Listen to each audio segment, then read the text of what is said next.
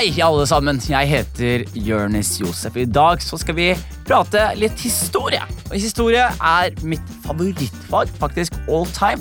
Historie er en mulighet til å se verden, hvordan det har vært, hva som har gått der det har gått, hva, hva folk gjorde før, og hva som har ført oss dit vi er i dag. Og historie er et fag som jeg merker at jeg blir mer og mer interessert i jo eldre jeg blir. Og det som er litt fascinerende da, er at disse temaene som jeg fant litt uinteressante enn jeg var yngre, den dag i dag er kjempeinteressante, så jeg får nå en ny mulighet til å børste støv av norsk historie. I dag så skal jeg snakke om reformasjonen i Norge sammen med professor Finn Erhard Johannessen, som virkelig kan sakene sine.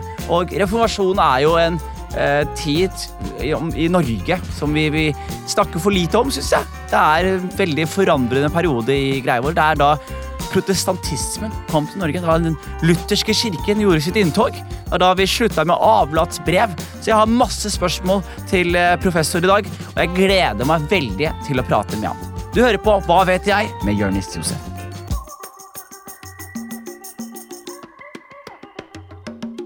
Velkommen, Finn Erhard Johannessen. Takk for det. Eh, du, jeg lurer på, Hva var reformasjonen i Europa? Ja, det var jo en, eh, hva skal vi si, en, eh, en stor endring av eh, den religionen, av, kristendommen. En, en, brudd med katolisismen, så det var kanskje det ble Og det var ment som en reform, og så ble det et brudd, så det ble en, ny retning av, av, kristendommen, kan man si. Og det også, førte også med store endringer med hvordan kirken var organisert. Staten ble mye viktigere, så, så det ble også en måte som religionen var organisert i samfunnet på, istedenfor paven som den øverste. Så ble det fyrstene som ledet verdens nasjonale kirker. Ok, Og når var det her? På begynnelsen av 1500-tallet. 1517, kan vi kanskje si. Og ja, 15 Det var en lang prosess i Tyskland særlig, men eh, så det var vel egentlig først overstått i 1540-årene, tror jeg. 1555 ble det en stor uh, fred i Augsburg, hvor uh, tingene ble falt mer på plass. Var det, var det krig mellom katolikkene og protestantene? Eh, det var krig mellom, eh, mellom tyske stater, katolske og protestantiske, ja. Ok, for du sier Norge, Var det brudd i Norge? Eller var det fordi, hva, betyr, hva innebærer det at det er brudd, og ikke bare en reform, som du sa? Ja, det innebærer at, eh, at kirken ble endret, at biskopene ble avsatt, at det brøt forbindelse med paven, og så ble det opprettet en ny kirke med lutherske biskoper og prestene fikk fortsette, men måtte da omskolere seg til den protestantiske lære. Og hva var forskjellen da for eh, nordmenn flest på den tiden? da? Hvor stor forskjell det er, kan man jo diskutere, men eh, det var jo eh, Lærerne er jo litt forskjellige.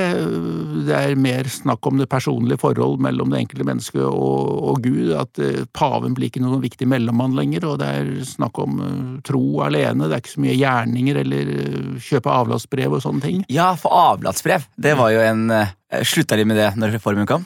Det var det som var utløste bruddet med det, ja. Så, så, så, men for den vanlige mann det, og kvinne var det kanskje mer at det ble litt annerledes. Eh, gudstjenestene ble da på norsk eller dansk, mens det hadde vært på latin før, så det var kanskje litt lettere å følge med. Ja, ikke sant. Avlatsbrev er jo veldig sånn Jeg synes det er en veldig gøy greie. De bare betalte penger for å bli kvitt sine synder. Ja, for å da Men det var jo meningen antagelig at man skulle angre og slike ting, og så ble betaling en slags sånn, noe sånn ekstra ved siden av, men så ble vel det når kirken var grisk og trengte inntekter, ja. så ble det ofte hovedsaken, så derfor ble det karikatur på alt sammen. Det er veldig spennende. Og hvorfor ble det en reform? Ja, det var jo vært lenge misnøye med den katolske kirke, at den var blitt mer for verdslig, altså mer sånn opptatt av vanlige politiske ting og opptatt av penger og, og, og makt og, og, slike ting. og, Kanskje at læren var da blitt litt feil, at dette med avlat og sånne ting eh, var det flere reformatorer som hadde ment var en avsporing, at kirken var blitt for opptatt av, av det verdslige samfunn, og, eh, læren ikke var sånn som det egentlig burde være. Så var, man tenkte å ha en reform som man hadde hatt flere ti ganger tidligere i kirken, men eh, nå førte reformen altså til at et brudd som ikke var Luthers hensikt. Han mente at man kunne prøve å få kirken inn på rett kurs, og så, og så, og så ble han lyst i bann isteden, så, så reformforsøkene ble da altså avvist, og så ble det brudd isteden. Ikke sant. Og i noen andre steder i verden så har man sett at det, eh, protestanter og katolikker på en måte har eh, hatt en stor krig i naderlandet osv. Var det noen konflikt i Norge? Eh, I Norge foregikk dette veldig ovenfra, sånn at det norske folk var ikke engasjert, men det var på det politiske toppnivå så var det en stor Eh, kamp for det at eh, erkebiskopen han var også den fremste politiske lederen i Norge, så dette var eh, med militær makt. Så kom danskekongen, som var protestantisk, sendte tropper for å ta Norge og, og for å bli konge og samtidig innføre protestantismen, og da prøver erkebiskopen i Trondheim å lage motstand mot dette, og det lykkes ikke, så han må til slutt flykte. Så på toppnivå er det, er det, militært, men vanlige folk var nok veldig lite engasjert i dette, sånn at eh, i Sverige og Danmark er det litt mer protestantisk bevegelse nedenfra, noen folk er interessert i dette. Sånn er det ikke i Norge. Så her er befolkningen eh, mer likegyldig, de er tradisjonelle eh, katolikker. Så dette er på toppnivå, sånn at protestantismen blir på en måte innført etterpå fra de politiske makthaverne, så, så det er på den måten. Men hvem var det som ville ha på en måte en reform i Norge? Det var eh, den danske kongen Kristian eh, 3., som og, hadde satset på protestantismen. Og når du sier satset på, hva betyr det? Ja, dette var jo en tid eh, hvor, eh, hvor, fyrstene ser hva som foregår i Tyskland, og at uh, mange velger å bli protestantiske der. For fyrstene er det ganske forlokkende, for da kan de slå kloa i alt det katolske kirkegodset. Ja, og de eliminerer en annen makt i samfunnet. Hvis kongen vil ha mer makt, for kirken har mye innflytelse, da blir kirken ikke et sånt kontakt med paven, men da blir det en del av staten. og, og Kirken er den som eier mest, de eier 40 av eh, jorda i Norge, så for kongen er det da veldig rikdommer og også veldig fristende for en eh, konge. De kan nok ofte være protestantisk overbevisning, men mm. eh, den makten og økonomien har nok også i mange tilfeller en del å si. Det er veldig, veldig spennende. Hvor, hvor viktig, fordi Norge var en veldig fattig nasjon på den tiden der, hvor viktig var religion for den gjennomsnittlige nordmann?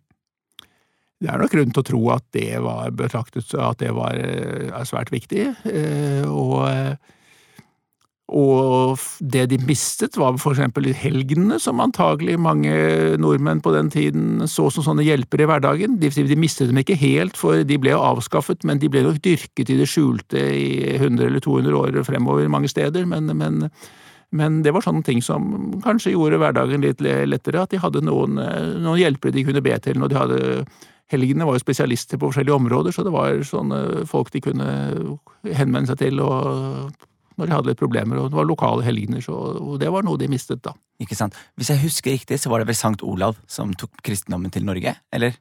Var jeg de som førte kristendommen til Norge?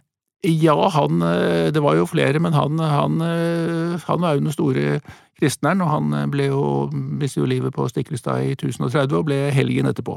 Helgen. Han var den fremste, men det var mye sånne småhelgener. Men han var nok populær, men det var veldig mange andre mange helgener også som var fine for eh, vanlige folk. Men var det forbudt å dyrke disse helgenene når eh, protestant, protestantismen kom? Ja. De ble jo rensket ut av kirkene, sånne figurer, og, og, men så ble det antagelig dyrket mye sånn i det skjulte. Men det var uh, kryptokatolisisme, og det var mye av det hva slags sanksjoner og straffer risikerte man ved å bli tatt for å gjøre disse aktene?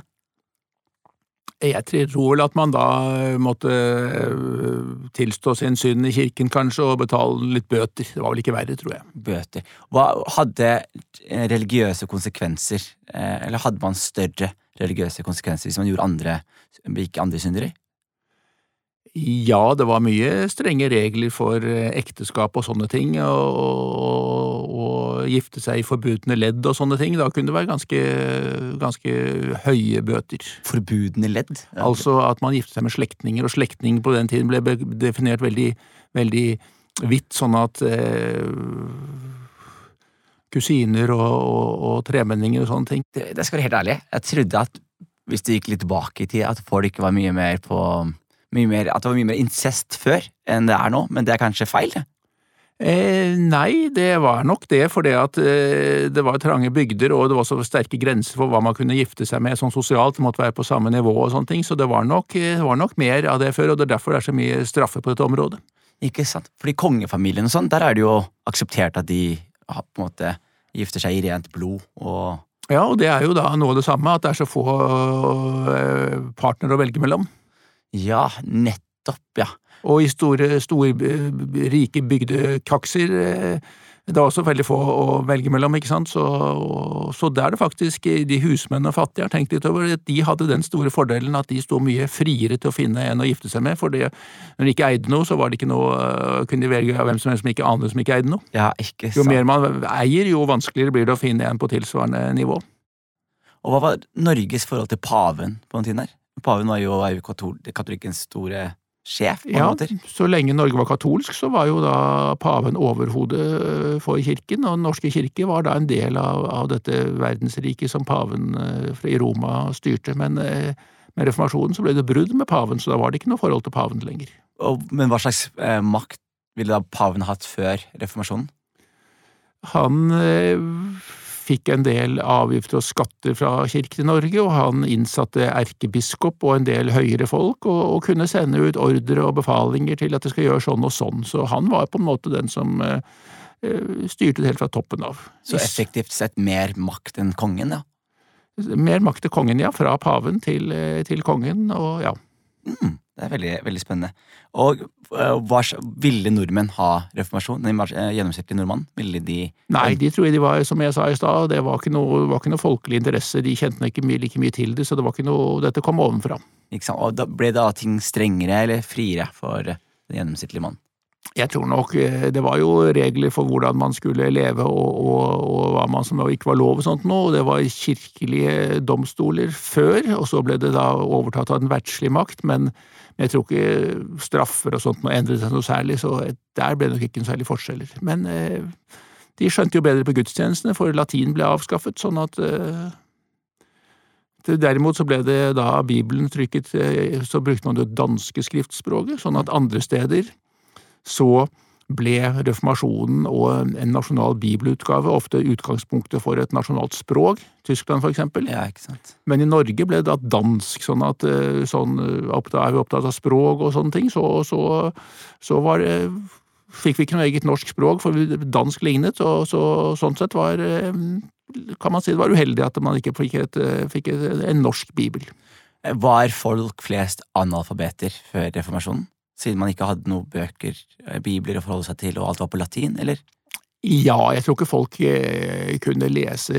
Vanlige folk i byer eh, kunne handelsborgere og embetsmenn kunne lese, men vanlige folk var nok analfabeter, ja. Og når da Bibelen ble trykket opp, endret det seg veldig, eller?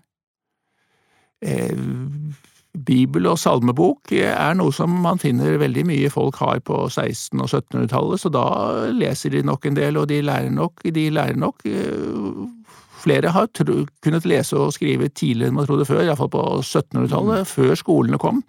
Så der har nok det at de har fått eh, bibel og salmebok eh, bidratt. Ja, for det vil, jeg tenker det vil jo på mange måter forandre et samfunn. Det å da gå fra latinsk, skrift, eller latinsk skriftspråk til å plutselig ha et språk å kunne lese og, Ja. og forstå, da. Så der kan man si at antagelig kan man si at reformasjonen da hadde eh, positive eh, virkninger.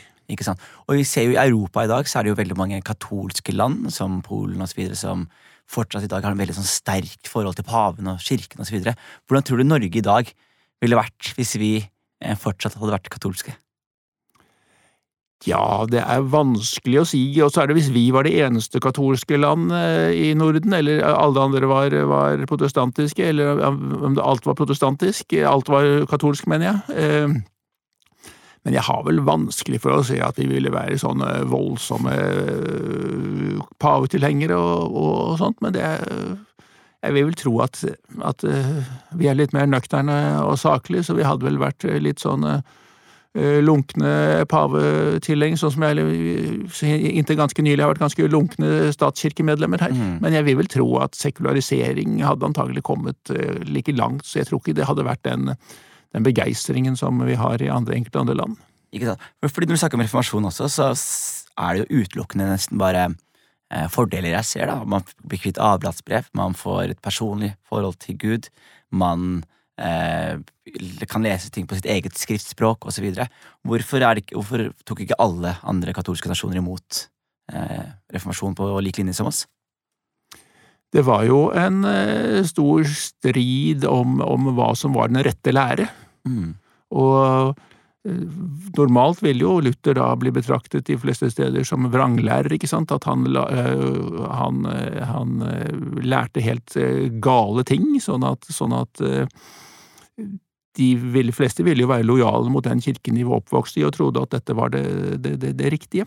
Så, og sånne fordeler med skriftspråk og sånt, og det var jo noe man ikke kunne tenke så mye på, det var noe man, virkningene så man mer etterpå, ikke sant, så det var man ikke klar over. og Dessuten skjedde jo en del reformasjon innad i den katolske kirke, og så dette førte jo til at de skjønte at her må vi prøve å, å, å få vekk en del utvekstene, sånn at eh, de ble også forbedret, eller ja, sånn at det på en måte fikk større appell. Mm.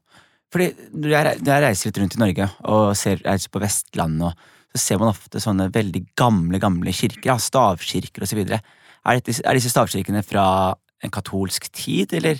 Ja, de er fra katolsk tid, og det er jo ganske interessant at Norge har jo så vidt eh, vært, de har vært katolsk lenger enn vi har vært protestantisk. Vi har det, ja. Ja, vi ble jo katolsk på 1000-tallet, og det frem til 1500 år, og, og ja, vi nærmer oss, eh, nærmer oss 500 år som protestantisk nå, så snart er det like lenge.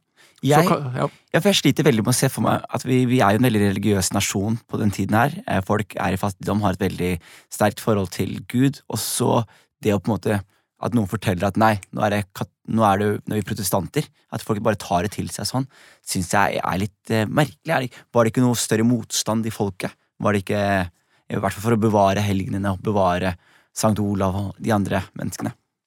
det var ikke noe opptøyer, men det var nok mer sånn stille eh, at man, eh, at man hadde litt helgener som man dyrket på si, eller sånn i det skjulte, og, og, og prestene var ofte de gamle de gamle prestene som var omskolert litt, sånn at overgangen ble ganske gradvis, og, og så en god del katolske bønner og ritualer og sånne ting, det var sikkert noe som levde videre, sånn, sånn at det, det gikk ganske gradvis, gradvis over. Ja, Er det noen ritualer i katolismen som eh, vi ikke har i dag? Eller som vi ikke har i prote protestantismen? Jeg tenkte sånne bønneformularer og litt sånne ting som, som, eh, så, som de var vant til å fremsi, som på latin, eller kanskje noe Ja, sånt ja. noe som, eh, som de mumlet eh, antagelig ganske mange eh, tiår i mørke kroker. Var det reiste man på pilegrimsferd og sånn til Roma, eller, eller til Vatikankirken? Eh, I pilegrimsferder foregikk ja til, eh, både til eh, Roma og også til Jerusalem. De, Og, og da var det da velstående nordmenn da, ja, som Sigurd Jorsalfarer reiste vel til Han reiste vel til eh, Konstantinopel, men, eh, men eh, av, av de helt velstående så foregående pilegrimsreiser, ja. Men så ble det også pilegrimsreiser først og fremst til Trondheim, Til Trondheim. Til, eh, ja til St. Olav. til St. Sankt Olav og erke... erke også Altså den store katedralen der, Nidarosdomen, det var jo der pilegrimene først og fremst dro. Og nå har man jo eh, frisket opp mange av disse pilegrimsveiene, så nå går man jo til Nidarosdomen. Så kom, kom det da folk fra Europa eller opp til Trondheim? Eller var det folk fra Norge som dro til Trondheim? Jeg tror det var mest fra Norge, men, eh, men eh, Sankt Olav ble en veldig eh, hva skal vi si, internasjonalt anerkjent helgen. Ja, Så det kom nok iallfall folk fra naboland, Sverige tror nok til, eh, også til Sankt Olav og Trondheim, vil jeg tro. Ok, så for å oppsummere, da.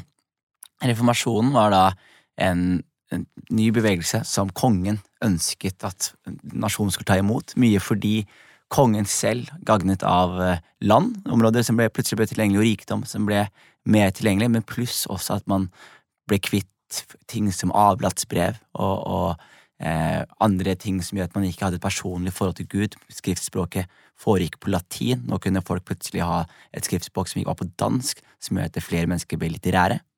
Eh, og det var ikke noe særlig stor motstand i, i Norge, eh, fordi det var noe som kom ovenfra og ned. Folk i det skjulte dyrket fortsatt deres helgener, men etter hvert så ble protestantismen tatt imot i Norge, eh, og er til den dag i dag den kristendommen som preger nasjonen. Ja, det var en grei oppsummering, syns jeg. Var det det? Ja. Ok. Tusen takk skal du ha, Finn. Ja, Erhard Johannessen.